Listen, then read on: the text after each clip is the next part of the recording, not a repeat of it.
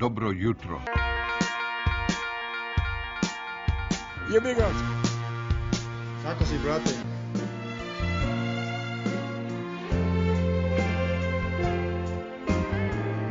Bilo lepo.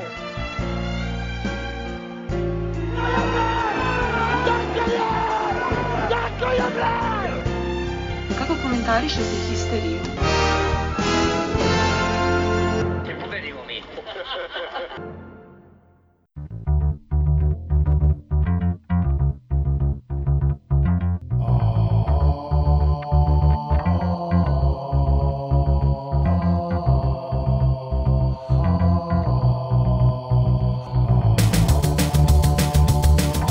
Zdravo živo grobari, oproštamo se od treće sezone, ovo je 45. epizoda u, trećoj sezoni. Oproštamo se i od ove špice, od sledeće epizode ide ova nova koju ste vi izabrali. Dug je put ova sezona 03 prošla. Od one stet, stote epizode koju smo snimali zajedno sa vama i Dunajske strede, pa onda u basketu od onog turnira u Opatiji, pa sve do, do kraja sezona onog finala kupa koje smo već prošli, a, finalne serije ABA lige i finalne serije KLS koja što se našeg košarkaškog kluba tiče neće dogoditi. Dakle, teme za ovih isti iz futbola imamo saga sa novim trenerom, koga smo konačno dobili imamo početak priprema. Što se tiče basketa, imamo kraj finalne serije ABA, istupanje iz ove smešne domaće KLS lige i kampanja koja je usledila odmah potom protiv uh, košarkaškog kluba Partizan i Željka Obradovića. Tako da, kako ćemo, basket pa futbol ili futbol pa basket? Ipak je basket bilo i događaje, bilo ovih tehnika koje nismo obradili. Idemo onda prvo Lemziv teren, jingle, pa Lemziv. Oh, you zombies, tweet, tweet, tweet. Jel imaš devojku ti? Spreman za istraživanje? Come on, let's go!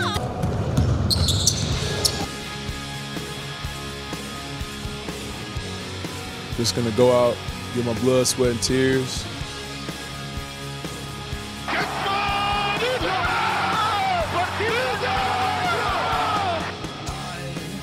Perché tifi Partizan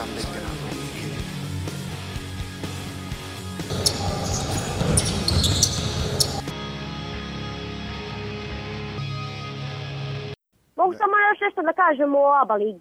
Yes, sir.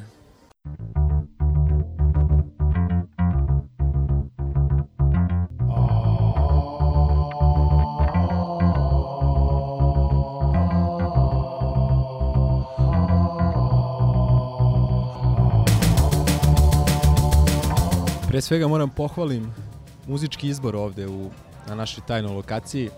Baš onako prijatno jedno Da, puštamo dredove nedeljno i, i, i, jutro. mot- i, i rolamo. Što da ne. A, pominjali smo na, on, na onom našem prethodnom druženju, odnosno snimanju prethodne epizode, da ćemo snimiti još jednu epizodu vezanu za ovu sezonu kada se završi ABA liga i kad budemo videli šta će se desiti sa tom famoznom KLS Smijurijom. A, ka- kako smo rekli nakon one prve utakmice da ne deluje baš da ćemo se odjaviti od ove sezone sa nekim radosnim i, i, i lepim tonovima. A, međutim, bili smo vrlo blizu toga. A, treba reći da smo u drugoj utakmici dobili ono što smo i najavili, što smo očekivali, to je sudijska krađa.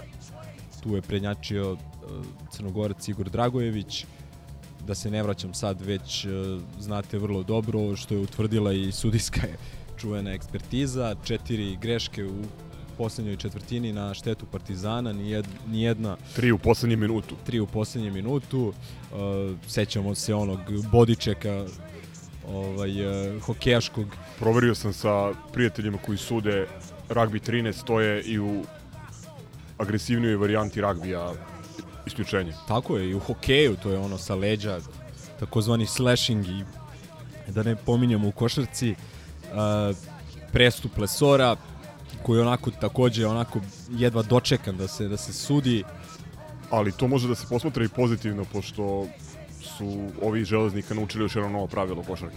Pa eto, da. Ako ništa drugo. A, uglavnom, a, tek posle te druge utakmice, mislim da je bilo vrlo malo optimista u, u redovima, da kažem, jača Partizana, da možemo uopšte da se vratimo. Jednostavno, kad gubiš 2-0 u seriji, igraš dve utakmice na domaćem terenu, malo ti se istegne ruka, a, dok se recimo protivniku vrlo lako može desiti da se opusti luk, ruka, da odigraju malo rasterećenije jer znaju da imaju veliku prednost i tako dalje. I treća utakmica jeste bila u tom nekom uh, stilu. Ok, nisu oni bili bog zna koliko raspoloženi, osim par pojedinaca koji su standardno uh, dobri protiv nas, poput Dobrića i Davidovca. Uh, ali uspeli smo, što se kaže, da nađemo način da dobijemo tu utakmicu. Uh, vratili smo se iz onog ponora, minus, čini mi se, 7 ili 8 na početku posljednje četvrtine. Veliku stvar je tu radio Aleksa Avramović sa onih par prodora, sa iznuđenim slovnim bacanjima, sa par zakucavanja i tako dalje. Posle toga Kevin Panter, ona trojka uh, koja je bila neposredno pre uh, prekida utakmice i posle toga je dobra odbrana Radeta Zagorca nad Kalinićem uh, 1 na 1 gde je uspeo da ga odbrani na niskom postu Madar bacanja, slobodna bacanja i, ovaj vrlo hladnokrvno izvedena. To je da kažem rešilo tu utakmicu. Uh, moramo da se osvrnemo i na samu, same okolnosti u kojima je ta utakmica odigrana. Mislim da veliki broj navijača Partizana bio revoltiran pre svega sudijskim odlukama u drugoj utakmici a takođe i dešanjima nakon druge utakmice kada je uh, staklenim flašama gađana klupa Partizana, pogođen je pomoćni trener e, Bogdan Karajičić. Uh, posle toga je čak jedan član uh, da li marketing tima ili čega već jedan istaknuti uh, član uh, ovaj napao klupu Partizana što je A jedan se i pohvalio sa staklom u ruci na Instagramu. Da, da, a mislim da je to taj. Mislim da je to taj. Uh, uglavnom usledila je da kažem reakcija igrača Partizana koji su stali u zaštitu uh, team menadžera, pomoćnog trenera i tako dalje. Rečima Blica Z, Lesor napao tako je. 6000 navijača. Pre, navija, igrači Partizana su predstavljeni kao uh, krivci za uh, taj uh, redosled događanja i to je dodatno ovaj, probudilo jedan inat i, i uh, revolt kod navijača Partizana, a takođe i kazna koja je sledila da je, ne znam, jedna petina hale ispražnjena za eventualnu petu utakmicu što je bio skandal uh, nad skandalima i to je nekako grobari su kao da su videli kao zeleno svetlo da, da rade šta hoće.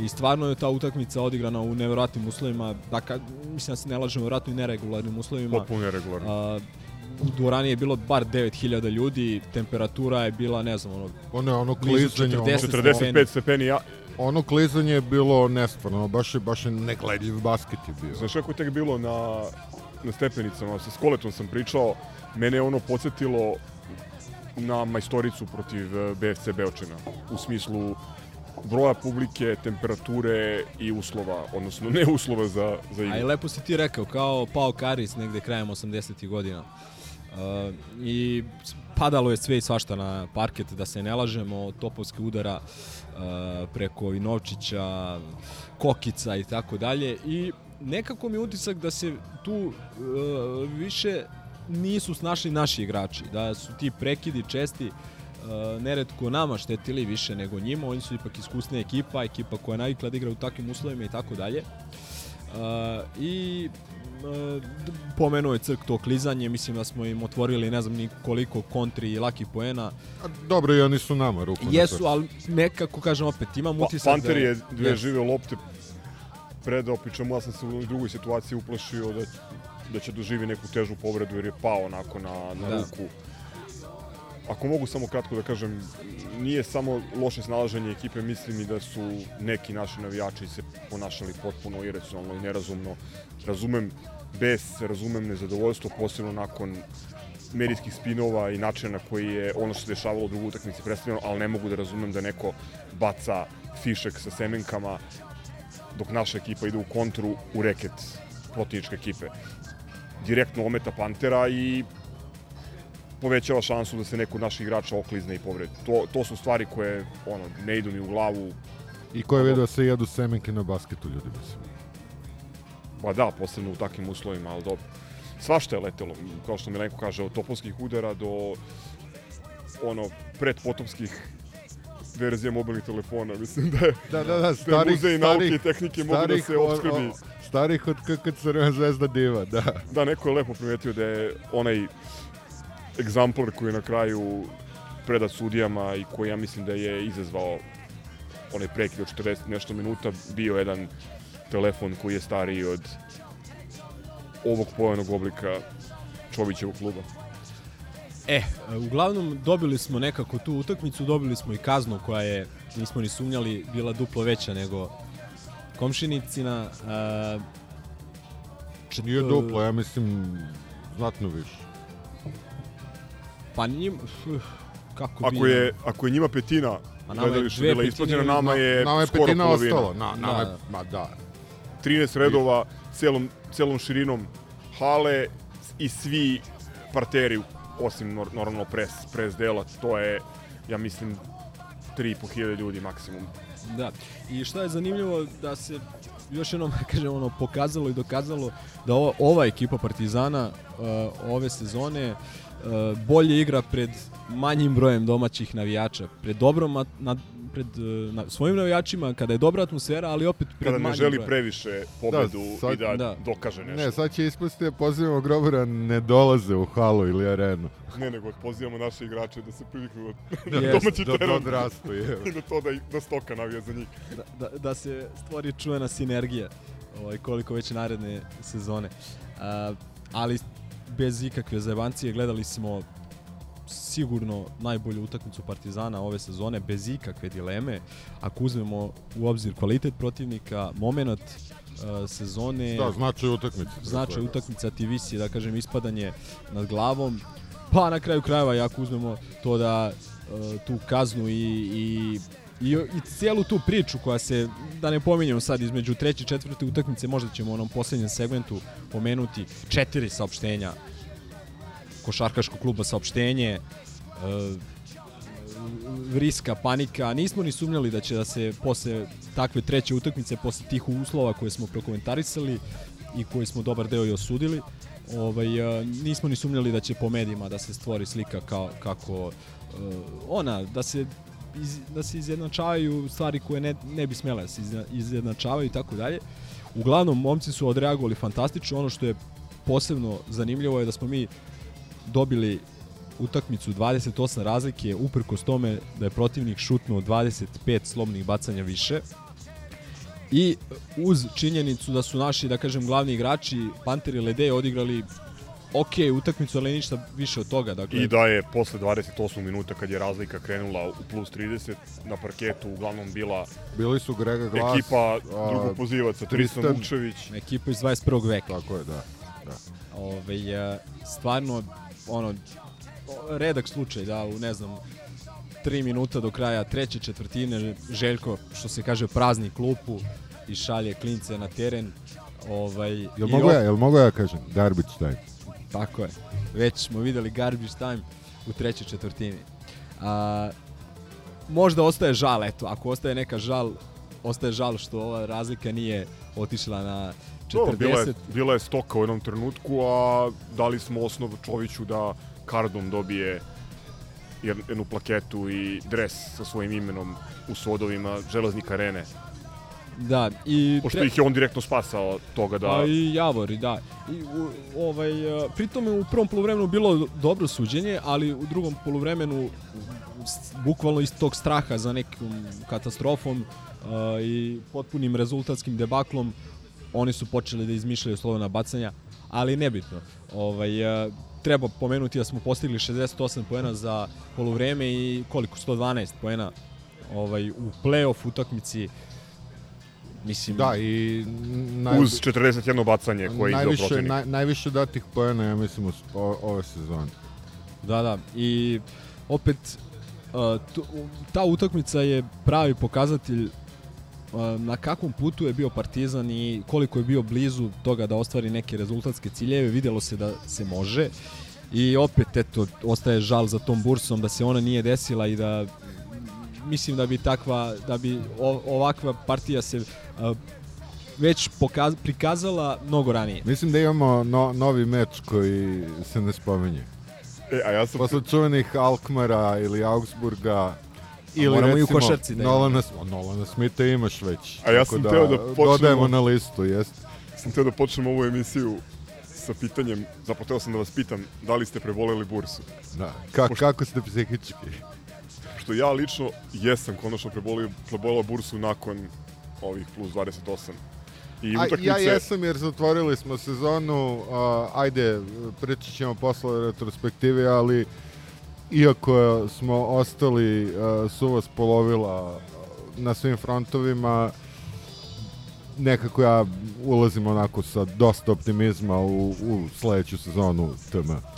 Ja bih rekao jednu bitnu stvar, da ne pretrčimo onako tek ovlaš preko, preko svega što se dešavalo u drugoj utakmici, da Dragojević nije divljao u poslednju minutu, mi bi verovatno ovom pobedom od 28 razlike rešili finalnu seriju i uzeli ABA ligu. I to treba da se kaže i da se podvuče nekoliko puta. Ajde Milenko, nastavi sa majstoricom, pa... A evo, da se- već kad smo pomenuli tu utakmicu koja se ne pominje i odnosno koja se neće pominjati u buduće. Što znači da će se pominjati jedno majstoricu- 50 da, puta. Bar. Jedna stvar, meni je, baš sam posle ove pete utakmice koja je, opet moramo da kažemo, znači ne tražim alibi, ali uh, takođe nije bila regularna utakmica. I tu ne mislim samo na upadanje uh, raznih uh, predmeta na parket i tako dalje. Ali ako ti polovreme traje preko pola sata, ako posle toga imaš još jednu pauzu koja traje 45 To su tri minuta, utakmice, To su praktično. tri različite utakmice. I nekako, da kažem, nije iznenađenje što se naša, da kažem, mlada ekipa nije najbolje snašla u tim uslovima.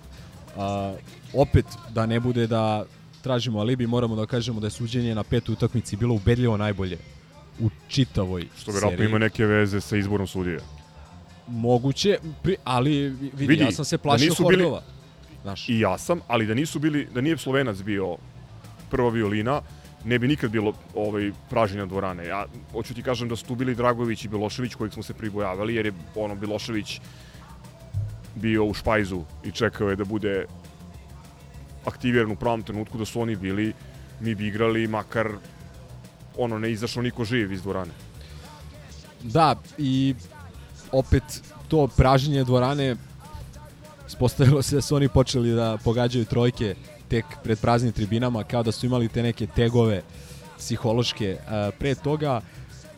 A, ali dobra, dob, dobra priprema utakmice Partizana, dob, dobra i psihološka priprema, osim onih prvih 3-4 minuta gde smo delovali, što bi rekao Trinkjeri, kao pijani, da smo pogubili milion lopti, da nismo mogli da pogledamo koš rivala, posle toga smo stvarno uspostavili kontrolu, prešli u vođstvo uh, i kompletnu drugu četvrtinu do pred sam kraj smo odigrali fenomenalno, dolazimo ponovo do ona famozna poslednja dva minuta gde smo izgubili dve lopte, čini mi se dali uh, dali protivnicima 7 poena, lakih i tako dalje i ta razlika na poluvremenu je možda mogla da bude veća. Uh, Milenko, moram samo da ti čestitam ovaj, da osnovno skrenem pažnju kako si suptilno provukao svog omiljenog trenera Žabarsku prevaru, onako čisto. Pa dobro, eto vidiš. Ovaj, uh, u svakom slučaju bolje smo se prikazali u ovoj majstorici nego u onoj majstorici koju on vodio, eto. To je tačno. Ovaj, Zato če- se častio batom. Čega smo se čega smo se pribojavali da će naša ekipa podle podlec podleći pod, jel tako se tako kaže pritisku i tako dalje i posebno nakon i prvih 3-4 minuta delovalo je da to ide u tom smeru, međutim otišli u kompletno drugačijem. Na kraju se svelo na par poseda, na dve, tri odbrane, dva, tri napada, na pokupljen skok ili ne pokupljen i tako dalje. I uh, opet koliko je bilo kritika koje smo slušali, možda i sami ih iznosili u toku sezone, koliko je bilo tih nekih momenata sumnje u ovu ekipu, pa ako hoćete i u samog Željka, opet ostaje nevjerovatno da smo došli na posed ili dva od titule Posle i, od, 2:0. i posle 0-2 da smo došli na posed od titule i, i povratka uh, povratka u Euroligu. I moram da kažem da mi je ta utakmica koju nećemo u buduće pominjati ovaj, mnogo teže pala nego ova peta utakmica, odnosno ishod te utakmice. Jednostavno, posle te utakmice koju nećemo pominjati, bio sam pomalo i razočaran i, i u ekipu i u neke željkove odluke na kraju Pa utakmice. ne, ono, ono je sve bilo epic fail. Mislim, Jeste, mislim, jeste, Ona, nekako- ona je bila utakmica koju gubiš uh, jednu od 100 ili jednu od 500 pri tom rezultatu sa takvom konstelacijom stvari ono je stvarno I gledaš fail. kako ti se ono Ma da, odvija ma pred očima. nemoguće. Ova peta utakmica, koliko god bila bolna, poraz stvarno je bolan i ovaj, moramo da kažemo na kraju igrali smo od 39 39 imali smo uh, prazne tribine, imali smo dobro suđenje, uh, mogli smo da dođemo do trofeja. Dakle ne pravimo alibi. Uh, opet ostaje ta neka nada da je stvorena jedna okosnica ekipe koja će u narednoj sezoni pružiti više. Uh, potukli smo se s njima protiv iskusnije ekipe, poput možda i kvalitetnije ekipe. Pokazali smo zube, dobili dve utakmice, dobili jednu utakmicu sa stoka razlike i tako dalje. Da li je moglo više? Verovatno je moglo, ali opet kažem, mnogo sam nekako lakše podneo taj poraz nego to ispadnje iz Evrokupa. Mislim, počnemo od toga da nismo igrali uopšte finale, koliko, 9 godina. O, bili na, na par poseda, kako reče, mislim, eto, treba reći, mogli smo, sve bi mnogo drugačije izgledalo da smo, eto, dobili tu utakmicu, ali podvukao bih ono što si rekao ranije, a nismo to očekivali i a realno je to a, ja mislim od, od, od sva tri a, fronta na kojima smo učestvovali bila najmanje verovatna titula. Jer a, meni je realnije, koliko mi je bilo realno ono što se nažalost ispostavilo i za tačno da možemo na jednu utakmicu da, da ispadnemo od, uh, u, u ovom Cipiripi kupu. Tako je bilo realno da na jednu utakmicu prevarimo ove železnika koji su realno kvalitetni tim od nas u ovom momentu. I realnije da ih u jednoj dobiješ nego u seriji od pet. I još jednom se pokazalo recimo i koliko je Željko stvoren kao trener za playoff serije. Jer mi smo delovali sve bolje i bolje kako je serija odmicala, sve manje smo im dopuštali nekih stvari, sve više smo koristili neke njihove mane i tako dalje. I u svetlu toga što se rekao, stvarno je šteta što se što je Eurocup promenio format takmičenja, jer bi nama i tekako značilo Pa o, da to, o tome smo pričali od, Da. od početka sezona, od kad smo saznali za, za tu Da, potpuno i- kretensku odluku. individualno ja bih stvarno želeo i da pohvalim i pomenem Kevina Pantera za partiju uh, pre svega u petoj utakmici mislim da je bio ono ne, nerešiva enigma što se kaže za njih uh, vukao ekipu uh, postizao poene igrao i dobru odbranu uh, ne znam, vukao i taj fokus na sebe i tako dalje. Pomenuo bih, pomenuo bih i Aleksu Avramovića koji je bio možda naš najkonstantniji On bi igrač. bio sigurno MVP finalne serije da smo osvojili. Pa e to možda, možda bi je to pod uticajem Pantera što je dao 30 poena u petoj, što je pogodio onu trojku za pobedu u trećoj. Pitanje je sad kako bi, ali uh, realno gledano Alex je bio najkonstantniji. Najkonstantniji igrač sa neki 20 poena u proseku. On je takođe povukao, kao što sam rekao, u toj trećoj utakmici kad smo bili na minus 8, uh, iz, izmišljao je poene i tako dalje, igrao je dobru odbranu, pogodio veliki broj trojki i da kažem, odradio je iskupio se za, za ono u završnici protiv ovih koje ne pominjemo. Čak mi deluje da nekoliko puta insistirao na zakucavanju. Na zakucavanju, a ne da, na, da, da. A ne na polaganju. Tako da, e sad ako ćemo malo i da kritikujemo, moramo reći to je spomenuti partiju iz Milana. partiju Zeka Ledeja pre svega u petoj pre svega u petoj utakmici nedopustivo je da igraš ne znam 30 i nešto minuta na pozicijama 4-5 da imaš jedan skok da Davidovac ima 9 skokova da ti da 15 poena da ti Branko Lazić da onaj koš ovaj, na prodoru, u kontaktu i tako dalje. Jednostavno, ali opet kažem, vukao je Zekel, vukao dobar deo sezone. Čovjek koji je izvukao celu, celu sezonu. igrač cele sezone. Setimo se da- i Podgorice. Recimo, kad bi rekli ko je igrač sezone, po meni je Zeklede. Apsolutno. I mislim, ok, mogo je da odabere drugu utakmicu, mu bude najlošija utakmica u sezoni, ali... Ali on je veći deo sezone igrao i ono što ne bi trebalo da igra, odnosno ono zbog čega nije doveden. Naš najbolji šuter s polja, što dosta govori o drugima. E, najkonstantniji u učinku, najbolji skakač, najpametniji na nekim bitnim utakmicama i tako dalje. Ja isto nisam mnogo tužan, odnosno ne, ne mogu čak ni da, da probam da uporedim osjećanje posle utakmice koju ne spominjemo i, i ove pete. Prosto rek, rekli ste, jedne ili dve lopte su nas delile od trofeja. Željko je podigao ekipu u pravom trenutku i većina igrača je pokazala da nije greškom u Partizanu. Ne samo Panter, mislim da se to odnosi i na Lesora, na primer, Radeta Zagorca. Radeta Zagorca, ti si, ti si izdvojio jednu jako bitnu odbranu koju je on odigrao na trećoj utakmici koja je verovatno i rešila rešila taj, taj meč. Ja ću iskoristim priliku sada da napušim kurcem lika koji je stajao tri reda iza mene i koji je 8 minuta pre kraja treće utakmice sve naše igrače i Zagorca posebno na sva usta.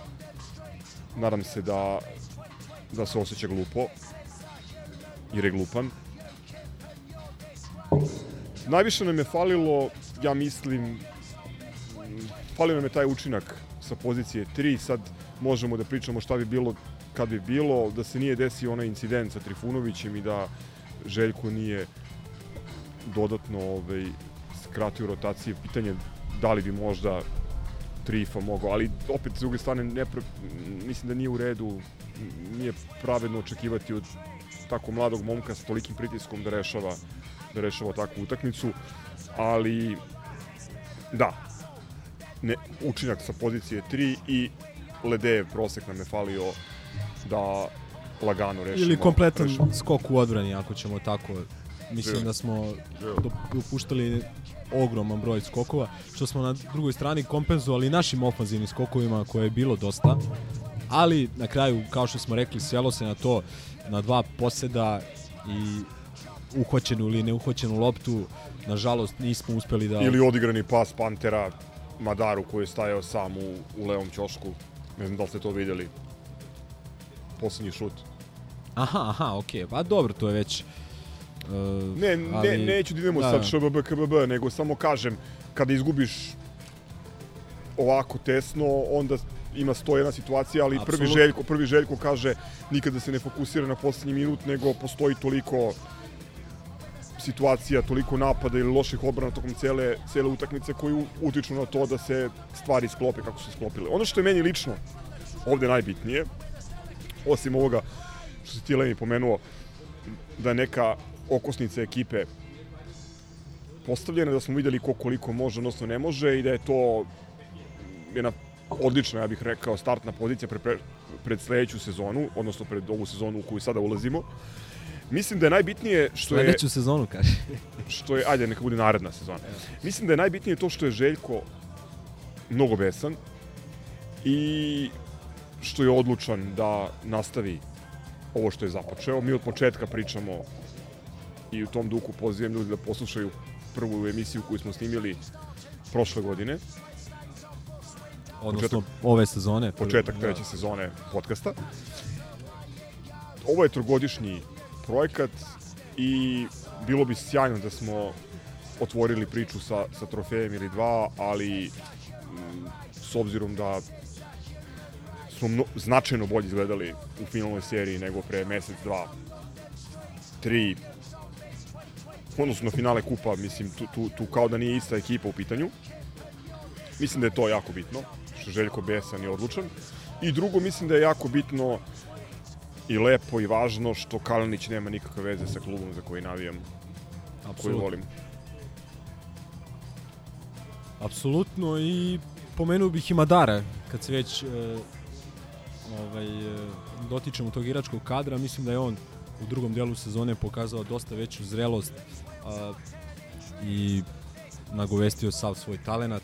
Mislim da je u nekim od bitnih utakmica odigrao kako se očekuje a, ili kako smo se nadali poput recimo Podgorice one u regularnom delu sezone recimo četvrte utakmice protiv njih pa i na toj utakmici koja se ne pominje bio je realno jedan od boljih igrača, tako da mislim da možemo budemo zadovoljni u kom pravcu. Pozdrav za Vilija. E, bilo je grešaka u selekciji, to je neminovno kada se e, dovede 12 13 novih igrača, kad se kompletan tim menja, moraš da pogrešiš. Kao što je rekao Dule, pomenuo bih ponovo ono, kod nas u emisiji, e, ako pogrešiš u 30% selekcije, dobro si prošao. Jednostavno, ovi igrači su i ovi momci su igrali pod strahovitim pritiskom da je bio isključivi cilj osvojiti nešto ove sezone, a ne razmišljati previše o, u, ne, u neku budućnost, onda bi se verovatno doveli drugačiji tipovi igrača od I recimo... vjerovatno bi rađeno više korekcije u januaru, Da, ali- kao što je ili Cedoli tako, da. Ja ne bih bio zadovoljan takvim pristupom, iskreno. Pa eto, i možda ima ljudi koji bi više bili zadovoljni, ja razumem i, i bes i frustraciju i te godine čekanja i kažem opet, bili smo blizu čak i u ovakvom stanju i u ovakvom raspoloženju kako je vladalo u većem delu sezone. Ostaje, ostaje nada da, da će da se izvrši ti par korekcija. Kao što je opet ću ponoviti Dule rekao ovo je neka vrsta selekcije ova sezona kod Željka. On je tu vrstu uh, selekcije izvršio i u prvoj sezoni u Fenerbahčeju gde takođe nije uzeo apsolutno ništa gde je izgubio polufinale domaćeg play-offa od Karšijake i tako dalje pa znamo i svi šta je usledilo nakon toga velika stvar uh, odnosno najveće plaćanje koje bi Partizan mogao da dobije pred narednu sezonu je ako bi Mario Hezonja. ako bi Mario Hezonja došao uh, i ako bi uh, Madar, Balša, Tristan, pa i Čempi, ako bi ovo letu shvatili vrlo ozbiljno, radili na sebi individualno i došli, da kažem, kao, pojavili se kao bolji igrači individualno gledano na startu, na startu priprema. A, imaćemo određeni kontinuitet, vidjet ćemo i jedva čekam da vidim a, koga Željko ima i nema u planu za narednu sezonu. Vidjet ćemo i šta će se a, događati sa tom wild a, Eurolige, da li ćemo igrati to takmičenje, mislim da bi to bila velika stvar. A bit će jedna divlja karta, imamo divlju kartu za Euroligu ili barem Eurocup. Mislim, aktivirat ćemo neko od njih. A ne, ne, Evrokup imamo sigurno. Mislim, Da, za ne, imamo divlju kartu, da. Nešto na tri godine. A, da, da, da, upravo si. Da, da. Ove, a kad već radimo recap sezone, sad, to, to je tema za, evo, da pitam vas koji više poznajete košarku mnogo od mene, a najveće razočarenje. Ajde, preskočit ću Kuruca jer je očigledno brat lud u glavu i da je to njegov glavni problem i to smo sve vreme potencirali. Znači, bit će nešto od njega ako, ako mu se sklopi u glavi, očigledno ništa od toga. A, za Mura nisam čak ni imao prevelike očekivanja i pa on je i odigrao u skladu s tim i koliko sam shvatio neće On je finalnu seriju deo odigrao vrlo korektno. Jeste, odigrao korektno, neki utakmice odigrao korektno, nije ni dobio neku pretrenu šansu, a nije ni koristio kako treba, govorimo o celoj sezoni, ne, ne o finalnoj seriji, nego meni, nažalost, najveće razočarenje je Smajlegić, koji je počeo odlično, ok, bilo je i, i povreda i, i problema, ali imao je gomilu povreda i, i kapiten Zagorac, pa se vratio i to. Mislim da ova sezona najbolja od kad, od kad igra u Partizanu. A Smiley je nekako nestao i nema ga još uvek. Ja imam velike očekivanja od tog momka i nadam se da će se sklopi sve, ali malo me brine. Ja se slažem sa tobom. Mislim da je on onim početkom sezone jako podigao očekivanja i sam sebi je podigao lestvicu, izgledao je kao legitimni MVP ABA lige. I onda se negde pogubio. Ja sam pogrešno očekivao da će možda dolazak Lesora i, i njegovo rastrećivanje te neke igre na, na poziciji 5 da mu otvori mogućnost da radi ono u čemu je najbolji. Kao da je- njemu na, na petici bilo bolje, ne. Pa da, ali ti ako pogledaš njegove sposobnosti, ako pogledaš ako pogledaš uh, koje su mu jače stvari u igri, to je neki pop-up, to je 2 na 2, to je igra ka košu, to sa pozicije visoke četvorke može da, može da igra u paru sa Balšom ili u paru sa Lesorom, međutim ovaj, on se negdje izgubio, da li, su, da li je u pitanju e, ne znam, slab, nešto slabiji trening, da li je ona povreda jedna koja je bila u januaru, da li je slatki noćni život, što mnogi potenciraju, ja stvarno ne znam. A vjerojatno kombinacija svega toga. Verovatno, ali ovaj, da, slažem se da je on verovatno najviše podbacio i u tom smislu je najviše, najveće razočaranje. E, ako posmatramo sezonu u totalitetu, osim njega, opet uz ogradu da je finalnu seriju odigrao odlično, ja sam ipak očekivao više od Pantera kao lidera ekipe. Mislim da, da je to liderstvo pokazao na, ajde, tri ili četiri jako važne utakmice. Pominjali smo onaj Juventud u, u Pioniru više puta. U finalnoj seriji isto dao veliki doprinos, ali mislim da je realno na, na nekim drugim bitnim utakmicama to finale kupa Slažem se, ako pomerimo... prvi meč protiv Glibulje i utakmica koju ne pominjemo, tu je, tu je bio ono Anonymous, nije se A, pojavio. ako pominjemo taj par iz Milana, od koga smo očekivali da, da vodi ovu mladu ekipu, mnogo bolja ocena ipak ide Zeku Ledeju, jer je on, on, se, on se pojavio na većini utakmica, a Panter je često onako izostao.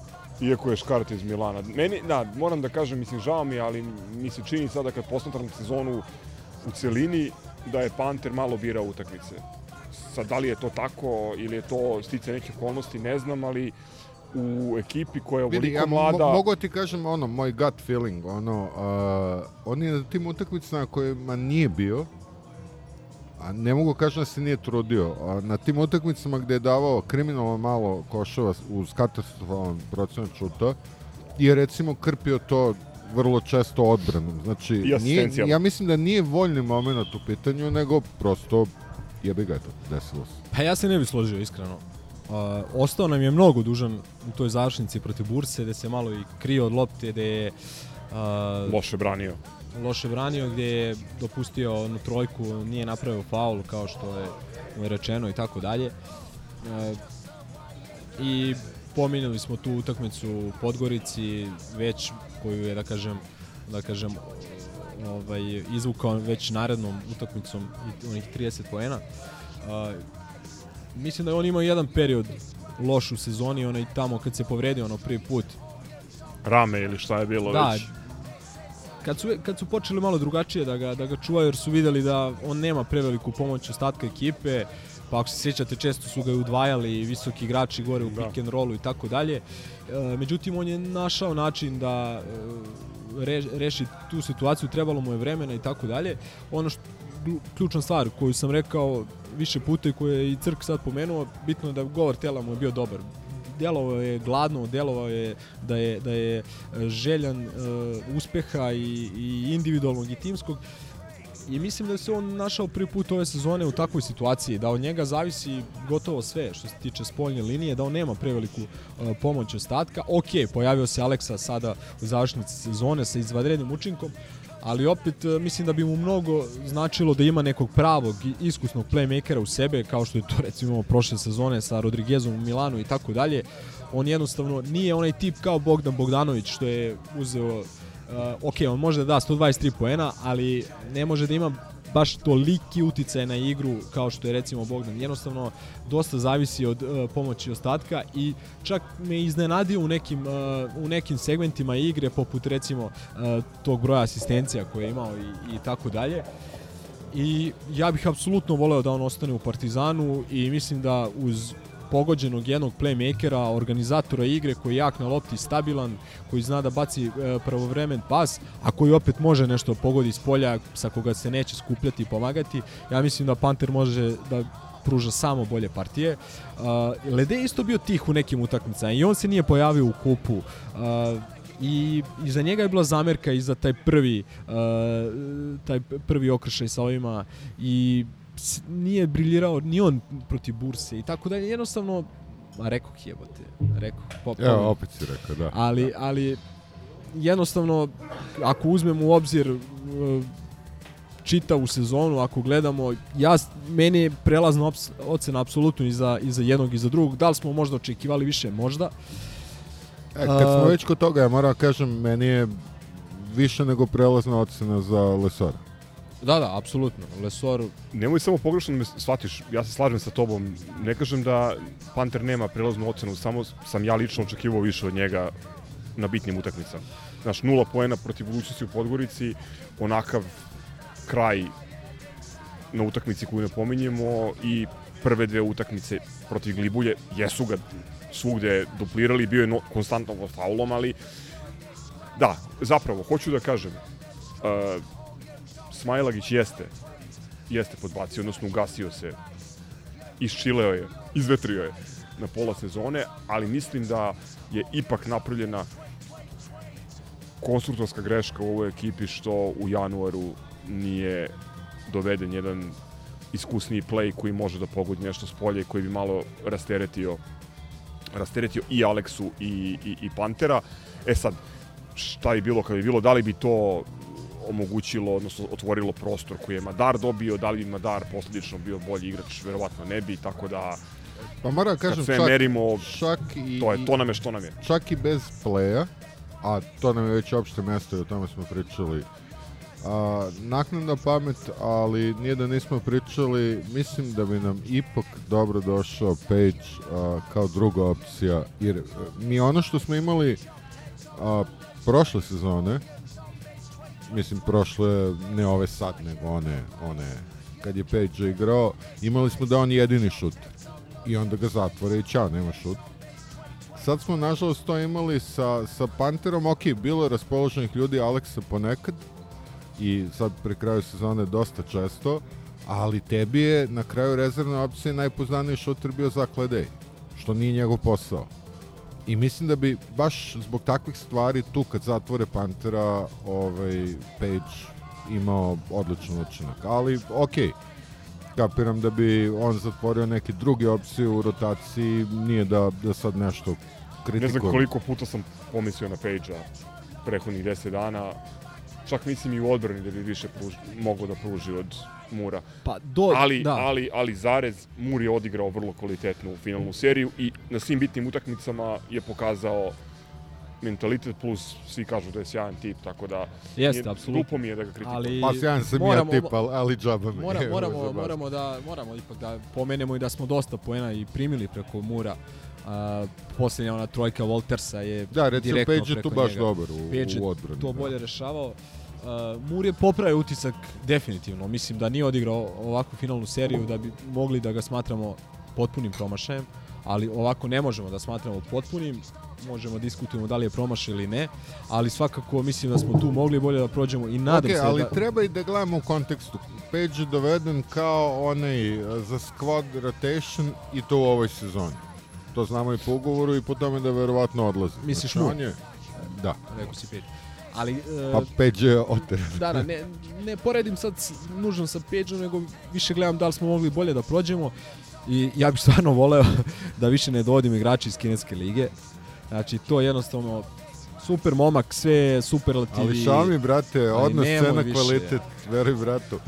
Ne, A- ja nemam nikakvo a- mišljenje prema toj ligi. apsolutno, i to je- iskusan play sa dobrim šutem za tri je ono što nam treba. Je, Ama sam, uporediš stvar. samo sa, sa playmakerima ekipe sa kojim smo odigrali utakmicu koju ne pominjamo.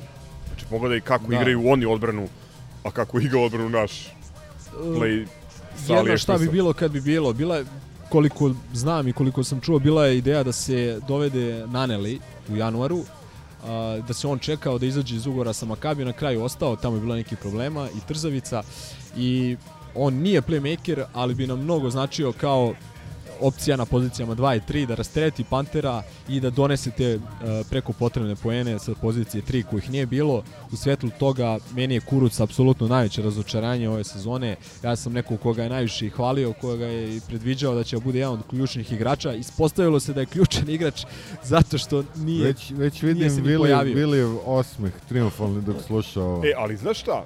O, evo ja sad moram da malo branim Milenka, a znaš, nije, nije isto kada dovedeš Antonija Brauna, koji nema nikakav učinak, ili kad dovedeš drogiranog Penjersa koji ima loš učinak i kad dovedeš igrača iz koga, mislim, i dalje niko verovatno neće reći da nema kvalitet, da nema fantastične fizikalije. Mislim, na kraju krajeva čovjek igrao Pa, u u- NBA-u ozbiljnu košarku. Rekao sam Ali je- to, rekao sam to ono u preambuli ludi kukuruc i jebi ga, to je to je problem s njim. Da, ali jednostavno radi.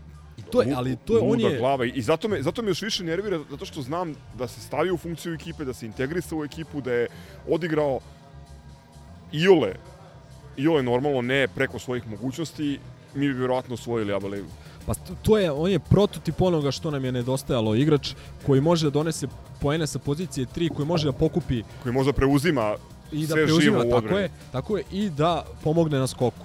Pa znamo Sad- sve to iz onog perioda dok je još nešto igrao i, i taj problem sa njim koji a, a, usteže sa šutne trojku i onda opali kad treba mislim, ima sve, može, ali eto, problem u glavi i možda je... I na sve to, sad ću da vas podsjetim da je na onoj odlučujući utakmici protiv Glibulje ispustio živu loptu i omogućio im da daju koš koji je na kraju presudio da oni imaju prednost domaćeg terena.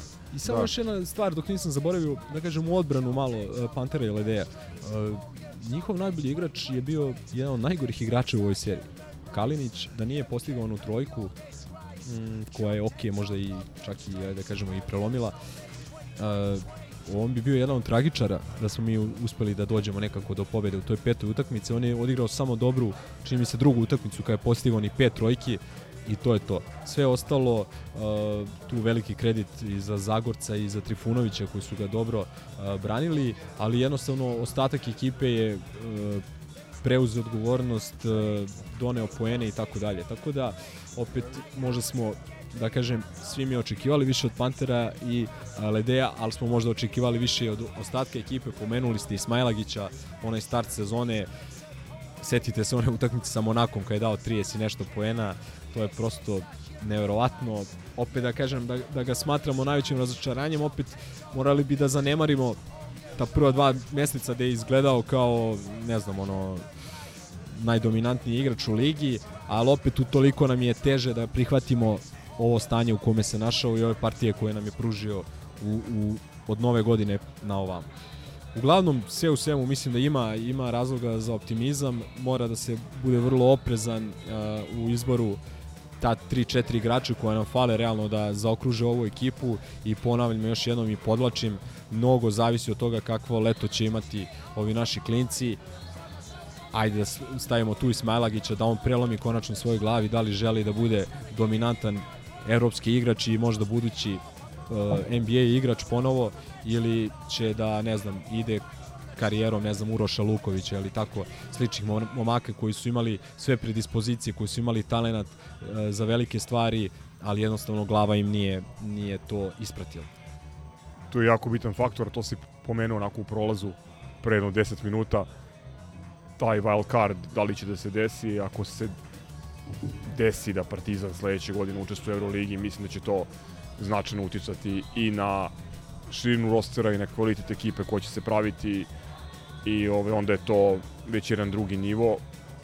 Opet kažem, ako smo sa ovako mladom, ovako neiskusnom ekipom, ekipom koja je potpuno formirana, znači pre manje od godinu dana, uspeli da igramo protiv Glibulje na jednu loptu, mislim da je to ovaj, dobar učinak i Ali moram šta da kažem, kažem, ljudi ono podržavajte Moram kažem, a, ja, ja se ne radujem, ne radujem se preterano o nekom wild cardu. Znam da je jako bitno da igramo Euroligu, ali s druge strane nismo mi ono eto, nosili smo se sa Glibuljom, ono je ono u top, top 12 da nisu Rusi poispadali, tako da Evo, to je nismo drugi nivo. Zreli, nismo, ali nismo zreli za, za taj nivo. Ja mislim. Ja mislim da smo mi kao klub zreliji Kao, za Euroligu od njih. Kao navijači sigurno. a da kao navijači, mislim, ajde nemoj to porediti, oni još uvijek kuće pravila i traže offside i, i enac u basketu, mislim, ajde molim. Euroliga podiže lestvicu, znači da moraš da imaš širu rotaciju, da moraš da gađaš ozbiljnije igrače, istovremeno znači da će ozbiljniji igrači hteti da dođu kod tebe, što je takođe bitna stvar. Mi smo, mi smo ipak preveliki klub za Evrokup, realno. Ne samo po, po imenima, nego i po Dobro, i. Virtus je, pa eto, morao da izgura onako kako mi nismo. Ali gledaj, da ti kažem jednu stvar, Virtus bi milion posto dobio wild card sad, Bi, sigurno. da, da nisu Ali osvojili. svejedno. Oni su- 25 miliona Ali su osvojili. Gledaj, ti kad, kad, pa da, ali uh, pogledaj njihov put, jednostavno, uh, dobili su, uh, koga su prvo dobili? Dobili su Lijet Kabelis, dobili su Ulm, dobili su gostima Valenciju, što je velika pobjeda i dobili su kući Da, koga? uh, ove što ne pominjemo. dakle, jednostavno te četiri utakmice, pritom ne zaboravimo da su doveli Koga su doveli iz CSKA, iz CSKA iz kad, kad, se, kad se ova situacija desila i tako dalje. Ja iskreno neću biti razočaran ako budem igrali Evrokup. Ja vidim sledeću sezonu u Evrokupu kao priliku apsolutno da je osvojimo to takmičenje. Ajde uzmemo tu titulu, majku. Da, Jebeš što da Euroligu. ne, ali opet kažem, uh, neću da nešto sad morališem, mislim da bi dobijanje uh, wild karte Partizana bio samo ono što kažu i za ovaj o, budžet ove sezone, sta, ona kako se zove, samo mali deo duga koji je vraćen Partizanu, uh, Kaže Dule, ratne reparacije. baš tako, eto. Ratne reparade. Pa ne, toliko sam- puta tu smo tako toliko kažem. puta su, je, su nas izigrali za razne stvari da slažem se potpuno s E, Milenkom. i, I šta je bitno? Bitno je da sledeće sezone da napravimo iskorak u svakom smislu, da osvojimo uh, po neki trofej po mogućstvu u ABA ligu. Ali ne kup, jer to, to ne, ne brojimo. Mislim, Pa, dobro. da osvojimo kup, ali da to ne bude alibi za sezonu. Da, I da osvojimo treću ligu Srbije. I to. I da igramo i osvojimo treću ligu. Pošto nećemo da igramo zapadnu Da, konferenciju, time, velike moštanice, železnika Ajde malo i time da se pozabavimo. Mislim, nama je to očigledna tema, ali da ne bude da smo je preskočili. Po meni, konačno, konačno, a, dobra odluka KK. A, setimo se one borbe kroz institucije posle četvorokraka Bilija Berona koja se završila kako se završila. Ovo nije borba, ovo je van institucionalna borba kad ti kažeš neću da igram po tim vašim pravilima. Po meni prava odluka.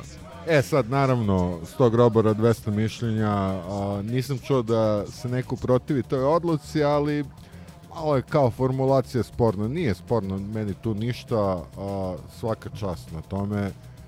A, I treba nam takvo razmišljanje, ne samo u basketu, treba nam takvo razmišljanje. Ljudi, konfiskovali ste državu, a, to možemo i u sportu da gledamo jer znamo da ovaj a, klub, ova država ima svoj klub, govorim i o životu, znamo da je konfiskovana cela država, mi nekako svi pristajemo na, na, na te uslove i eto, ja sam bio na izborima, učestvovao sam na učestvovao sam u KLS-u, treba nam takav stav.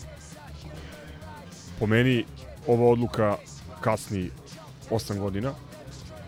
Mislim da je pre 8 godina trebalo iskoristiti veze koje imamo u, u Letoniji i drugim pribaltičkim državama da se ispita pod kojim uslovima bi mogli eventualno da igramo Baltičku ligu. Ovo, ovaj KLS koji nije ni pod okriljem Saveza, koji nema nikakve veze sa sa tim famoznim institucijama, jedno privatno takmičenje, A nije više ni Leon de Leon, kako se shvati. Pa nije Leon de Leon, nije ni komesar Gogić, nego je neki novi idiot koji je bio, ne, ne znam ni kako se zove, koji je bio u, u Radničkom iz Kragujevca. Znači, stvarno je, me, meni je bilo degutantno. E, sa- moji grobari, ne odgovara liga, a Mega je upravo dobila cigane u takvoj ligi. Dokazana je regularnost, znači, Aha. Mega koja je poslala Znači- znači, Jovića da, da, Prili- Prili, da sa prilika- nagecima prilika trenira da- u kampu. Prilika da lažni FNP osvoji titulu.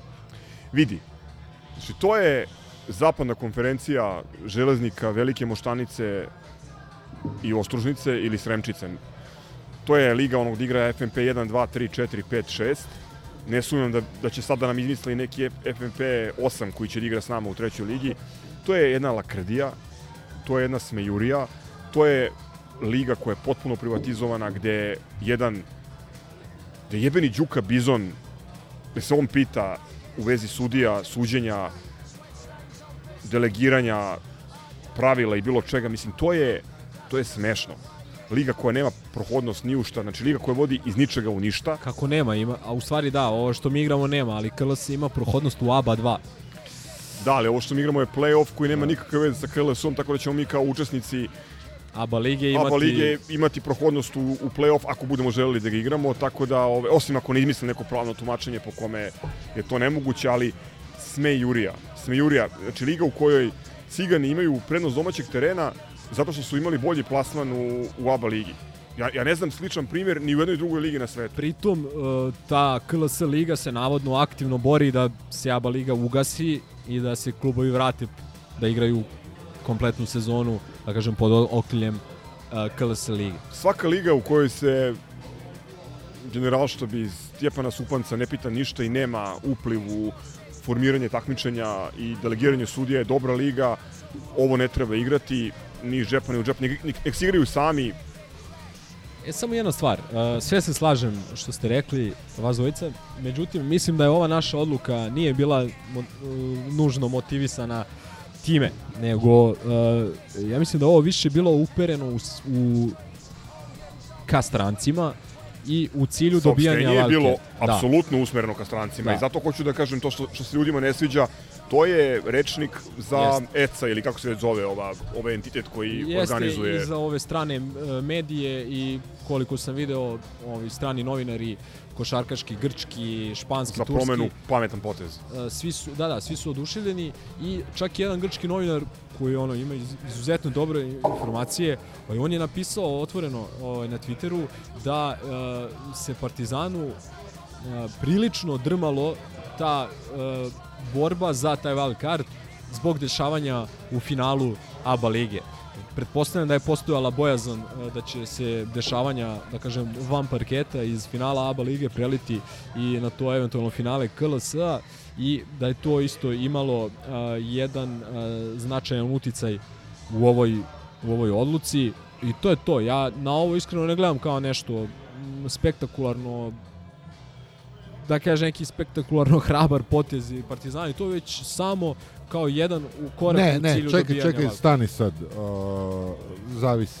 Da, nije spektakularno hrabar potez, ali izvini, seti se borbe kroz institucije, ovo je ipak tri stepena. Ne, ne, apsolutno, Tri stepena apsolutno. iznad ja toga. pri, pri, pri, uh, prihvatam i pozdravljam ovaj potez i nadam se da će se promeniti ne samo KLS, ja više volao da se promeni ABA liga. Ako ste nego- primetili, nego KLS, jedini, jer- jedini problem koji košarkaški klub Partizan ima su utakmice protiv uh, ovog mutanta i železnika. A, nameće se zaključak da izgleda da a, teranje Duleta Vojoševića a, iz srpske košarke nije doprinalo. Ma samo pogledajte kako skiče, kako se brinu i kako su za, ono, tužni zbog, kako kažu, Partizan ponizio Srbiju. košarku. Ne, Srbiju. To je bio jedan naslov. Ovo je divota, mislim, i znak da je urađena prava stvar. Svaka čast. To bi bilo to, ja mislim. Toliko od basketa ove godine, ovaj, sad neki refil, pa, pa idemo dalje. Pivo pa futbol. When I walk back from the train, with a Stella kicking in my brain.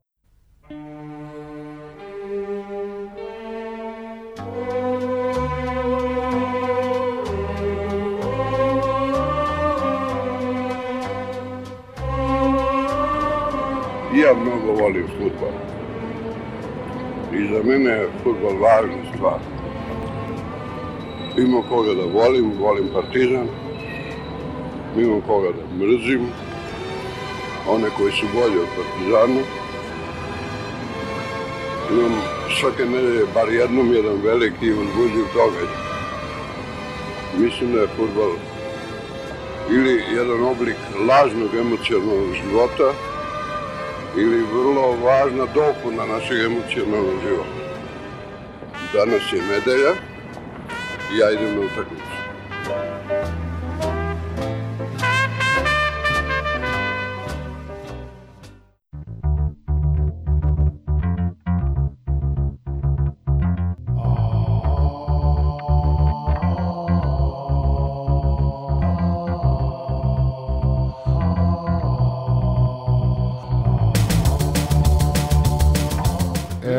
Na zelenom terenu.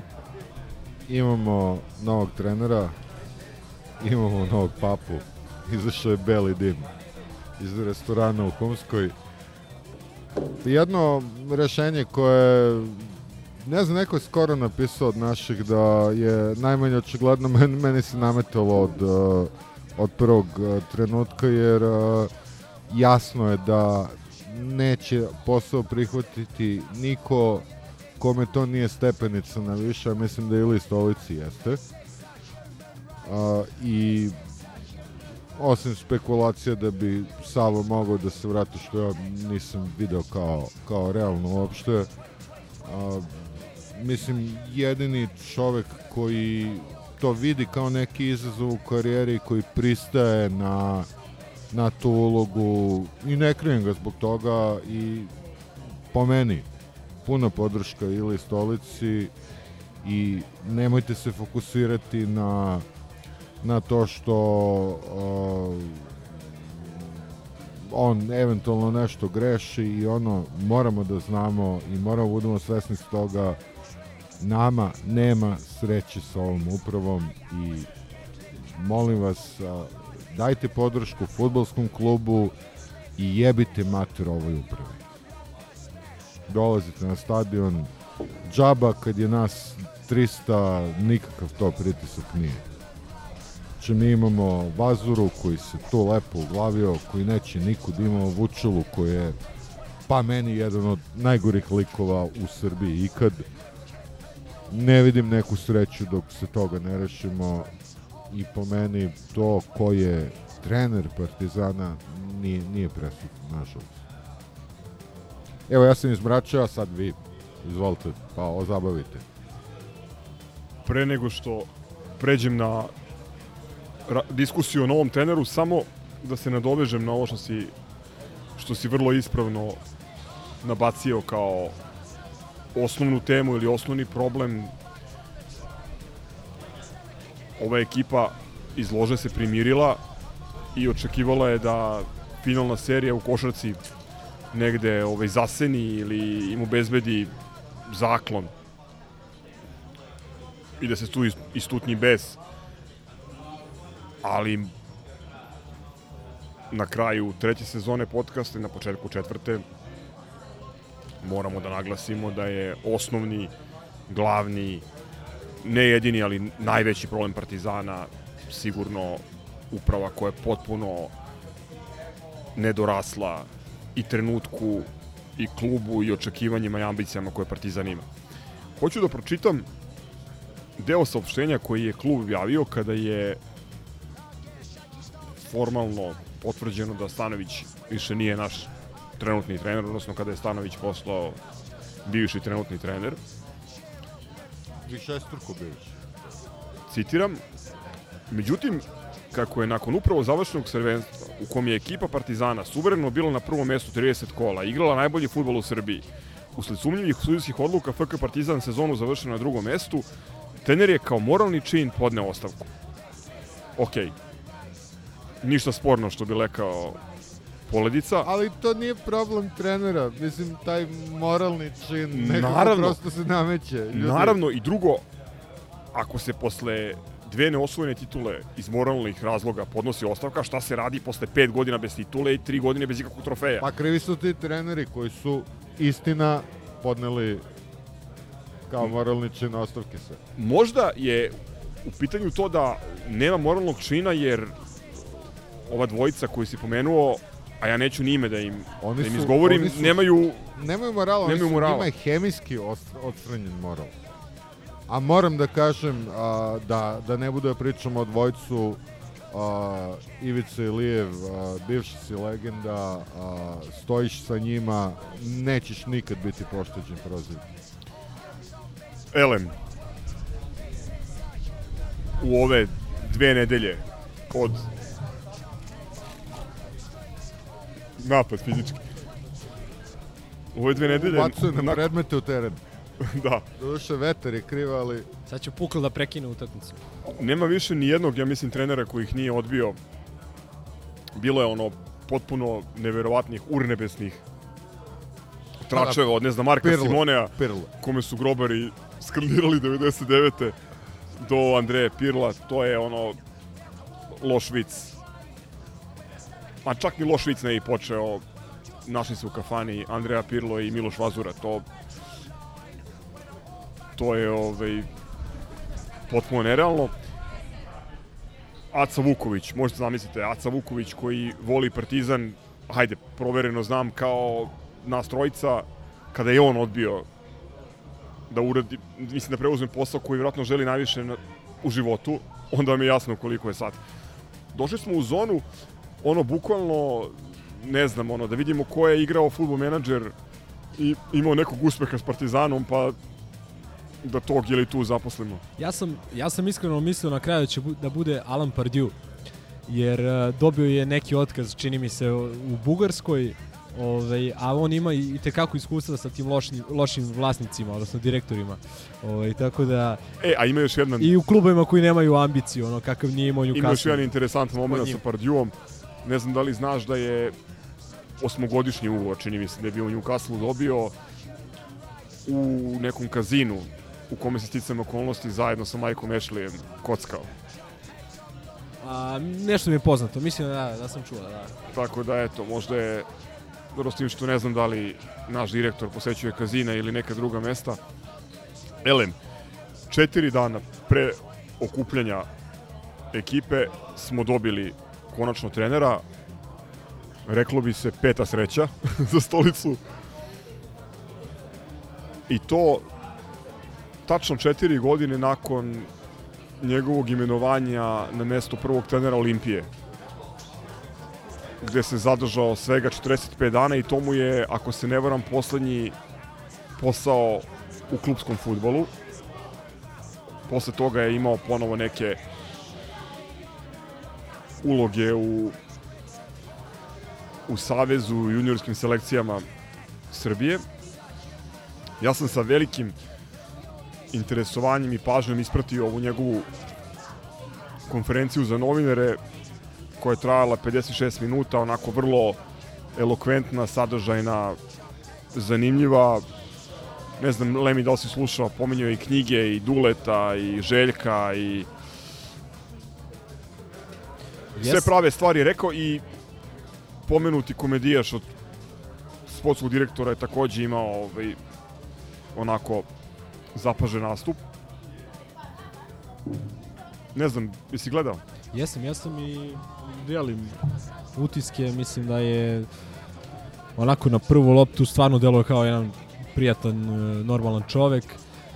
Oni koji ga bolje znaju kažu i da je prilično i tvrdoglav u smislu da ne da na sebe i tako dalje. Vidjet ćemo kako će to da ide sa pomenutim uh, duom ili trijom Mislim, ovaj... recimo, jedna stvar za Iliju Stolicu, on je obezbedio uh, legendarni kec na krovu, ako se ne varam.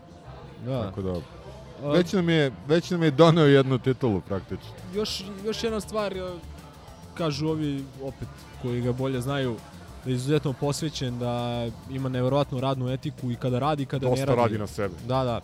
To je nešto što želimo da čujemo uh, za trenera Partizana. Ćelav je, što je isto bitno. da. Može ih isti da, da snima. Čekaj, Ovaj. Špic, Mladinić, Marko Nikolić, Dule. Ne, ne, samo kažem oficijalna isti frizura. Dobro, to svakako, ali ono što je bitnije, Ćelavi treneri jednako uspeh. Možda, možda čak... Vermezović. ja, ne. možda, možda čak eto i, i da kažem i nije loše što su očekivanja gotovo nepostojeća.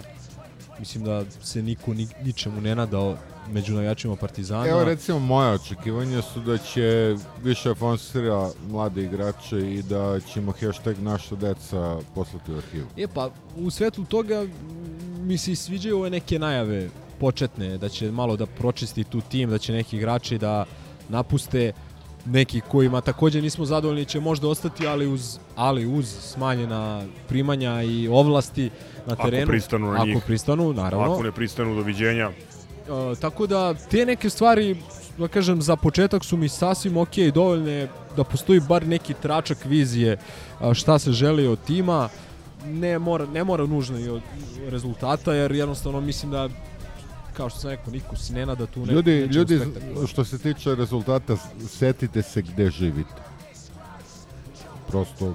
Ma sećamo se, ali sećamo se da smo ove godine bili, bili blizu, da smo uz par nekih kadrovskih sećamo rešenja. se i one sezone Marka mogli- Nikolića, mogli ali setite se i toga da je bilo jasno da se to neće ponoviti. Ja se posle ove njegove prve konferencije osjećam malo pozitivniji u odnosu na, odnosu na klub, ne zato što očekujem bog zna šta, nego zato što mi se sviđa ta neka energija koju on doneo i sviđaju mi se ti prvi potezi sa izuzetkom određenih promena u, li, u stručnom štabu. Moram da Konkretno kažem- dulje. Konkretno dulje i mislim da, da je to da je to ovaj, loš potez, ali dobro, mislim, kao što Željku ne ulazimo na teren i ne dovodimo u pitanje njegove njegove od, odluke i procene, tako mislim da i svaki drugi trener zaslužuje određenu autonomiju. Ono što Milenko je rekao, zapravo ključne stvari od ljudi koji stolicu bolje znaju i lično znaju smo čuli da je posvećen, da je fanatik, da dosta radi na sebi, nije nikakva tajna da mnogo voli Partizan. Ono što se meni dopada isto je ta neka njegova trenerska filozofija koja ovaj, u svim klubovima u kojima je bio je negde bila, da kažem, vrlo vidljiva. To je vrlo ofanzivni futbal i insistiranje na njemu po svaku cenu, čak i na svoju štetu. Tako da recimo ovaj drugari iz, iz, iz Ljubljane će sigurno ovaj kad im pomenete stolicu da naglase kako je pokušavao da igra ofanzivno sa najsporijim zadnjim redom i kako je na tome da svaki igrač mora da bude deo te neke tika take i tako dalje, ali nadam se da upreko svim brojnim ograničenjima i činjenicama da ne očekujemo, ne znam kako spektakularan prelazni rok, da će on uspeti od ovoga što ima da izvuče maksimum, da će nekim ljudima koji se ne uklapaju u tu viziju brzog, direktnog, modernog futbola da se zahvali. Bottom line, drugo mesto. Drugo mesto. Vidi, Nećemo se trenutno- boriti za četvrto. Mi to, to trenutno hoću da nemamo kažem, da. ekipu za treće mesto, Znam da nemamo. jer je Čukarički doveo nekoliko jako dobrih pojačanja, a sa komšijama odavno ne možemo da se poredimo. Pa, oni to ljudi, jasno, oni to- ljudi plaćaju preko milion rutinski, oni evo sad je izašla informacija da ne znam Gajić neki koji je kod njih 19 ili 20 igrač ima pola miliona evra godišnje platu, mislim, to je, ili tako nešto, nije ni bitno, u svakom slučaju plaćanje koliko je Dobro, naš najbolji budžet, igrač. budžet, budžetski korisnik i kao što znamo, jedna država, jedna, jedan klub, jedan vođa. To, je- to je sve Pa, jasno. jasno, ali to su stvari koje, da kažem, prave kontekst i u kontekstu toga treba posmatrati i postaviti ovaj, i očekivanja i vidjeti šta ćemo sledeće godine. Jeste, tako da evo, mislim da je okej da vam u poslednjoj epizodi sezone 3 kažemo najavu za sezonu 4, nemojte se previše ložiti i dođite na jebeni stadion. Ja hoću nešto drugo da kažem. Mislim da je ova situacija sa Stanovićem pokazala da ekipa koja je zasela u ložu ne planira da je napusti. Makar, ne znam, se stadion srušio, Partizan ispao iz lige, ostao bez jednog ozbiljnog igrača u timu. E, ljudi, to je naš klub, nemamo drugi klub, ovo je naš novi trener. Ajte, moramo dolazimo na stadion, moramo da, da generišemo jednu energiju koja će pozitivno da utiče na, na zbivanje na terenu i da pomognemo tom novom stručnom štabu i toj novoj ekipi Partizana koja je trenutno u formiranju da dođe do svog maksimuma ili da pokuša da iznenadi. A od sedenja kod kuće i kenja po mrežama valjda smo do sad shvatili nema nikakve sreće. Kako kome, ja mislim da su ovi ljudi koji kenjaju po Twitteru osjećaju baš onako ispunjeno kad se istre. Podloga za ovu epizodu će biti Slifford Mods tweet, tweet, tweet. All you zombies, tweet, tweet, tweet. Ja sam imao neki drugi predlog, ali ajde, govorit I ja sam imao treći, ali... Ne, ne može, ovo, ovo pokušavam da izguram već tri epizode. Uh, embargo, ja montiram moja lopta, kako kaže Nebojša Čović, igrajte se ili ne. Juče su bila merenja, pripreme zvanično počinju sutra, prva utakmica je za manje od mesec dana. Mislim čak i da je plan priprema promenjen, pošto je postala ideja da se pripreme i pomere ukoliko ne, ne dobijemo trenera. Zakazane su zvanično neke utakmice sa Koperom i čini mi se... Sad, mnogo, ne, sa, ne sa Krakovijom. Mnogo je tu pitanja da li, da li pripreme plaća klub ili Lolo Smiljanić. To ćemo vrlo brzo da. saznati ukoliko Lolo da, ostane. Ako ostane, onda je Lolo, svojim. Lolo je platio. Ove, E, da. ali sad bez zezanja, očekujem da dolazak ovog trenera, osim ukoliko se ne desi sad neki fijasko ili neka kataklizma i, i svađa, momentalno očekujem da malo proširi krug igrača koji mogu da dođu da pojačaju ekipu. Da to ne budu samo naša deca, odnosno naša deca koje nemaju nigde drugde, nego da se malo malo i prošara i da se pogledaju neka manja očigledna rešenja. Milenko? Sve se slažem. Da, da, da, prošao je, prošao je njegov deo histe, tako da sad će klima glavom do kraja.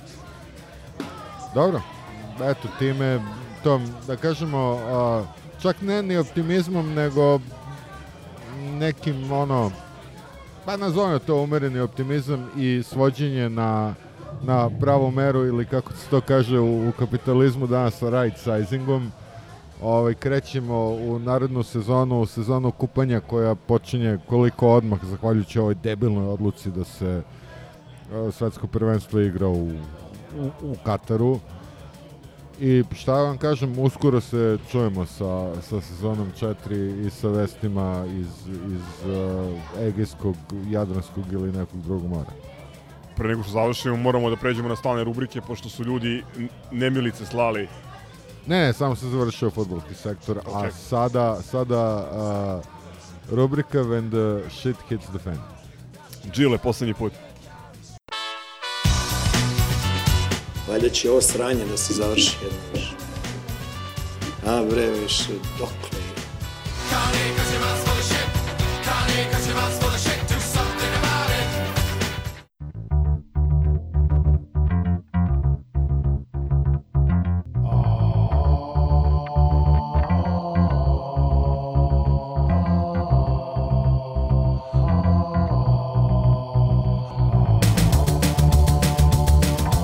Ok, potrudit ćemo se da budemo stvarno efikasni, pošto porodične obaveze zovu, Kasnimo na ručak. nedeljni ručak i tako to. Ništa sporno, već smo pomenuli australijski futbal i faul nad Škartom iz Milana. Mada moram da, da naglasim da je Poledica ozbiljno izdominirao na, na društvenim mrežama u poslednjih desetak dana. Što bi rekao Dule Ujošević, ne pada sneg da pokrije breg, nego da svaka Zverka pokaže svoj trag. pa i Neven, odnosno Poledica, pokaže svoj trag. Neću da citiram, pogledajte šta je drobio, nije lep pri- prizor. E sada, objave. Prva objava, mislim da je stigla od našeg vernog slušalca i redovnog gosta u ovoj rubrici Nebojša iz Zrenjina. Se najbolje treba postane moderator ove rubrike. Pa, bukvalno, s obzirom da uvek šalje vrlo kvalitetne upise. Ovo je sa nečega što se zove Sport Extra, nemam pojma o čemu se radi. Sport Extra, znate vi šta? Nebojša, nemoj da pratiš te budalaštine, čoveče, Znaš ti Lemi šta je. Sport Extra? Prvi put čujem. Dobro, neki obskurni forum, naslov velikim slovima, eksplozija na Marakani, dve tačke, vezista Arsenala na domak zvezde, znak uzvika. Znam šta je. Arsenal iz... Iz Tule, Tako je. koji je Gro Božović poslao u drugu rusku ligu. A mislim da čak nije prvi put da se izloči taj naslov za baš Arsenal iz Tule u tom kontekstu. Moguće, ali evo, u pitanju je igrač koga su doveli izvesni Kangva ili tako nešto. Kangva? Ne znam, a su vratili Marina, je li tako? Marin je kod njih valjda šef scouting službe. Ovo je neki futbaler, A ne, a on je u penziji, šta, Marin? Moguće Aha, da sam okej. nešto pogrešno pročitao. Čini mi se da jeste. Idemo dalje. Arena Sport TV. Ovo je sa arenog sajta. Medalja i za Luku Jovića, znak uzvika. To su odjeci finala Lige šampiona koju nav- naravno nismo gledali. Ko Ja, je- kad smo već kod Arene Sport... Ne, ne, to je zbog toga što je to osvojio Real, da citiram, našeg Perica Ognjenovića. Dakle, podjednak trag su ostavili, ja mislim, ta, ta dva asa. A ja bih rekao, a, mnogo veći trag, makar kakav je ostavio naš Predrag Spasić u tom istom Realu. Kad smo kod Arene, pozdravio bih ona dva debilčića što su komentarisali ovaj, ostatak Nemoj da, finalne im- serije. nemoj da im tepaš, recimo Degenerika. Dobro, kind reminder za grobare da i od Edina i Koleta može I gore. more, da. Pa se vi žalite. Treći upis za ovu nedelju, Sportske net, koje su se isto pretplatile kao i Nebojša iz Beograda, odnosno Nebojša iz Renina, izvinjavam se. Naslov, Čović se pojavio u jutarnjem programu, u dve tačke, relaksiramo atmosferu, znak uzvika. Ukazao se kao gospa u Međugorju. To se kaže turneja četiri skakonice kad joj vreme nije. Čuo sam da je citirao patrijarha Pavla pred petu utakmicu. Tako da možda je to se ukazalo. Što je Mislim da rekao, su- budimo ljudi ako smo čovići. Ili je bio E, ovo neki, je ili je jedan bio od dva drugi citat. upisa Tegeltine, omiljene redakcije Nova RSB je u pitanju. Autor Strahinja Nikolić je vjerojatno na lepkovima. Naslov glasi ovako, Kataj Ivanić, treći najbolji tandem sveta. Iza njih Salah i Ma- e, Mane. A čekaj, a ko je bolji? To me Ne zanima. moram najbolji? pitam Marka, je pošto je on dojavio, on je vjerojatno i pročitao celu vest. Hoće tome da preskočim na sledeću prijavu, isto je nova RSB u pitanju, ali ne znam, ovo je kao da postoji neki fetiš da u Partizanu pišu bivši ono, uposlenici Zvezdana Terzića. Da, to je stvarno skandalozno. Komentar na odluku Partizana da ne učestvuje u zapadnoj konferenciji Železnika, Sremčice i Moštanice. Partizan se predao, veliki klubovi to ne rade. Da, to sam vidio, to sam nažalost i pročitao. Marko ovaj, koji je poslao ovaj naslov i lepo primetio da je vjerojatno u pitanju najogavnija najogavniji tekst koji se pojavio na srpskom internetu u skorije vreme. Eto, a prozivate Tege za tu novu RS. A, Inače, bitno je da je autor ovog teksta, što on i ne krije, jer to drži u, u, u, u, potpisu ili u svom profilu, bivši službenik, odnosno član PR ekipe Fos kluba Crvena zvezda. Kažem, to je neki fetiš izgleda sa njim, sa onim NM-om i tako dalje, pošto je NM isto intervjuisao ovog Leona de Leona, koji je objektivno sagledao situaciju sa Da, kad smo već kod tih, da kažem, po znacima navoda opozicionih medija, da pomenemo i onog e, idiota koji je pretio Balši Koprivici sa N1, sad sam mu zaboravio ime, ovaj, koji je navodno pokrenut, pre, pokrenut je disciplinski postupak. I iskreno me zanima šta će se desiti sa Ta tim postupkom. budaletina je cancelovana i mislim da je to jedna dobra praksa da zvezdini propagandisti, odnosno FNP-ovi propagandisti rade u FNP, odnosno u Zvezdi. ne, hashtag grobarska historija je tu dao, dao maha i dao rezultata. A, Ne, ne, vrlo meni, je, vrlo je meni, fair. meni je malo mučan utisak jer je to neki nesrećnik bez ruke, ali pizdati materina, realno. Tako da, Vidi, ako targetiraš mladog igrača, reprezentativca Srbije i to radiš sa radnog mesta, onda nisi Pritom, novinar. Bal, ej, Balšu, od, ono, od svih Balšu Koprivicu koje ja ne znam, ono, E, moram da Uzgredno, dobro, ne znam njegova krivica je što mu je Slaviša otac. To smo vada Da, shvatili da, da. iz, iz upisa. Ko je, Zar da, nije ko je Božoj? to? Ko je, ko je to? da. To sam htio kažem, ko je to to Letović prijavio da je da je ovaj A Nova, Nova. Božo, no, Nova. Tegi pozdrav. imbecili. Ne, samo, samo bilo bi i u redu i prirodno da propagandisti rade propagandu za klubove, a da novinari rade u, u medijima. Možda očekujemo previše, ali to, to bi trebalo da bude tako. Idemo dalje. Žurnal od 3. juna. Futbal nad naslov širom planete. ja bih rekao nad naslov umetni CZ u tekst po svaku cenu. Slušajte naslov, molim vas. Snaga Milana se ogleda u otporu treneru koji je izostavio zvezdanog štopera. Ja ne znam o čemu se radi, ali genijalno je. Ni ja. Regnik, Milan igrao protiv njih, protiv Manchestera.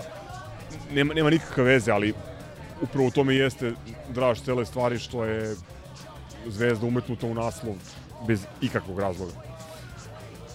Imamo još tri prijave za ovu nedelju. Mozart Sport, naravno kako da prođe bilo šta bez njih. Tekst UEFA koeficijentima kaže ovako, Zvezda ispred Reala, od srpskog šampiona samo šest boljih klubova. Nemate komentar? Ne, ne, ja apsolutno ovaj setimo se, pa pre godinu dana su nešto slavili doprinos Crvene zvezde u, u koeficijentu ispostavio se Partizan mnogo više doprineo koeficijentu tada nego Zvezda. A ne da se mnogo situacija promenila jer koji smo sad uopšte na, na, na, listama? Da li su nam stigli uopšte tamo? Nisam siguran, mislim da smo u 70, ali u svakom slučaju nebitno je, ukoliko se ne pojačamo, neće ovo biti vesela sezona. I za kraj ove rubrike, dve objave na pokojnom B92.net. Ovo će Miletu da se svidi. Utorak, 7. jun, Radonjić, jednako Bujošević. E sad, u zagradi nije stajalo minus Gomelski, minus dva Final Fora, minus Fibin, Kup Koraća i tako dalje. Mislim, sve zavisi kako se jednakost definiše. Mislim, Ne, to, to je- to je... Moraš da budeš malo programer pa da znaš, ti definišeš uh, funkciju equals i onda možeš da staviš bilo šta. Ima dve noge, znači jednake. Zavisi koji je kriterijum. Ovo je previše gikovanja za mene, I- samo i- moram da ima kažem... isti broj prstiju na nogama, eh, jebi ga. Pa čekaj, ja nije, nešto, ne znam da je Dule u DPS-u, jer ja Aha. nešto ne znam za to. Evo, Ne, evo on je- ovaj politizira. On je crnogorski stručnjak. Ovo je crnogorski, ovaj, duk, ovaj Ovo je duklenski. Duklenski, Duklenski. A opet nisu, valj... Nije, nije, to nije isto? to isto, ne. Delimično. Ovo je, a, da. E, potpuno je izopačena ta njihova potreba da se po svaku cenu radi uravnilovka i da se stvari koje ni po jednom osnovu ne mogu da budu iste izjednačavaju. Ali dobro, samo je do nas da li ćemo to da prihvatimo ili nećemo, je li tako? Pa mislim, ako ste sisali veslovi, prihvatite. I za kraj, ponovo pokojni, neću kažem blago počeši, B92. Ovo smo negde u toku diskusije o košarci pomenuli. Partizan naneo ogromnu štetu u srpskoj košarci i Srbiji. Da, da. Vaskol, Vaskoliko iz Srbije da. Ja, slao sam ja nešto, ne znam ko je, ono, kao Panter da je se nije pojavio, da je podbacio. Mislim da je to isto možda vredno pomena. Ne, Ima toga, ima i Lesor koji je bio gubitnik dana. ili ko je napao navijače jer je napao Zvezde. celu dvoranu. Ali ima, dobro, Željko Obradović je odavno bio gubitnik. Ima ono što dana, nisam proknjižio da- ovde, e, Branko Lazić, Aha, da. Magija Branka Lazića, čini mi se da je tako Ni sam ne znam kako je dao koš. To je tačno. Činjenica to, da je dao koš uopšte. Činjenica to je da je magija. koš je magija, tako je. Dobro, za kraj pozdraviš. Koga bi pozdravili? Pa evo, ja imam... A, ja ću kao u utisku nedelje da imam pozitivan i negativan pozdrav. Pozitivan pozdrav je za sve vas koji nas slušate i i realno terate nas da snimamo ovo jer a, nije baš nije lako. Jedan Ovaj, Luka je tražio emisiju od 3 sata, što Da. Nije lako, nije lako da- izgurati ovoliko emisija, ali kad čujem koliko ljudi pitaju kad ćemo da snimamo, šta, mislim, jednostavno, ovo radimo zbog vas. I, i veliki pozdrav i vel, veliko hvala vama. A dodao bih kao, ipak da pozdravimo i, i jednog Bojana koji je trenutno na svadbi ne svojoj, i jednog Vilija ko me je ipak ovo prerano, jedan sat popodne za njegov mladi organizam. Razumite ga, e, vratit će se u sezoni 4 nikad jači. A što se tiče negativnog pozdrava, istakao bih jednu pojavu u srpskim medijima koja se zove Newsnet i a, nažalost gospodin Kesić koji sarađuje sa njima ima onu svoju emisiju Newsnet primetili ste Bureka a, koji je pričao i stalno nešto smatrao srpskoj košarci kao veliki navijač kluba iz predgrađa. A Kesić nas je pozdravio, ne znam da li gledate, ja sam vidio samo taj insert, ja tog čoveka ne pratim već šest godina jer je tužno koliko ono nije duhovito. Ali čoveče ti želiš da, i, da potenciraš da imaš zrno integriteta, pozdravljaš uh, Dekija Radonjića, aj zdravo. I vi grobari koji uh, volite da diskutujete i da pravite spaceove sa gospodinom Burekom, you zombies, tweet, tweet, tweet. Dobro, šta, zaključak je da u Srbiji ništa ne valja osim sporta. Očigledno, oko sporta smo jedino uh, imamo konsenzus Odnosno u tabloidima opozicije se da- štampaju samo da- laži, da. osim, osim kad se štampaju izveštaji sa utakmica FK i KK. To, je- to je sve regularno. Ništa sporno, još tak čovjek. Pa samo kad si već pomenuo uh, Kesića i njegovog uh, voljenog Dekija, ja se nadam da je Deki dobro, da se oporavio od onog napada Uroša da, baš mu nije bilo Trifunovića. dobro, baš mu nije bilo Da. dobro. A, setite se toga, verovatno ste svi propratili ako neko nije video. A Deki kome jako nije bilo dobro zbog onoga što je a, Trifunović uradio na utakmici je bio trener a, kluba iz predgrađa u momentu kad je čuveni Jaka Blažić uradio to potpuno isto a, istu gestikulaciju ka klupi kad tada do, Vujošević u treneru u KK, tako da? Lažovčino... Tom Dekiju očigledno, baš, baš se Gnjida videlo da mu nije nijednom bilo. nije čestitala Partizanu. Baš se videlo da Dekiju nije bilo dobro, jer nemoguće da je on to smetnuo kasnije- suma. Ono što smo saznali kasnije, da a, ono što je Željko rekao da je poslao Zagorca i Trifunovića, da upute izvinjenje. Lično. Lično. To se desilo pre te konferencije za štampu. Kakvo je to smeće od čoveka? Taj deki.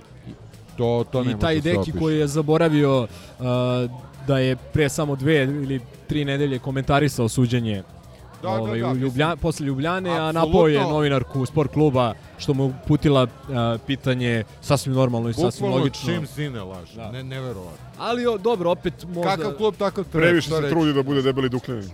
Ali čarobnjaštvo je zajeban zanat i ne ide tako. Koga si to da pozdraviš, Lemi? Nikoga. Nemam, nemam baš Nikoga, nikoga da svi u.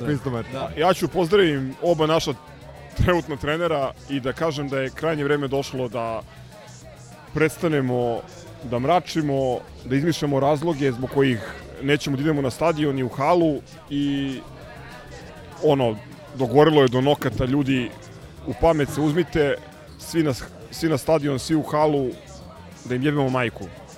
Svi na stadion emisija. To bi Aj, bilo zdravo. to za ovu sezonu. Ćao. Prijatno. Ciao, brate. Salim ti prijetna dan.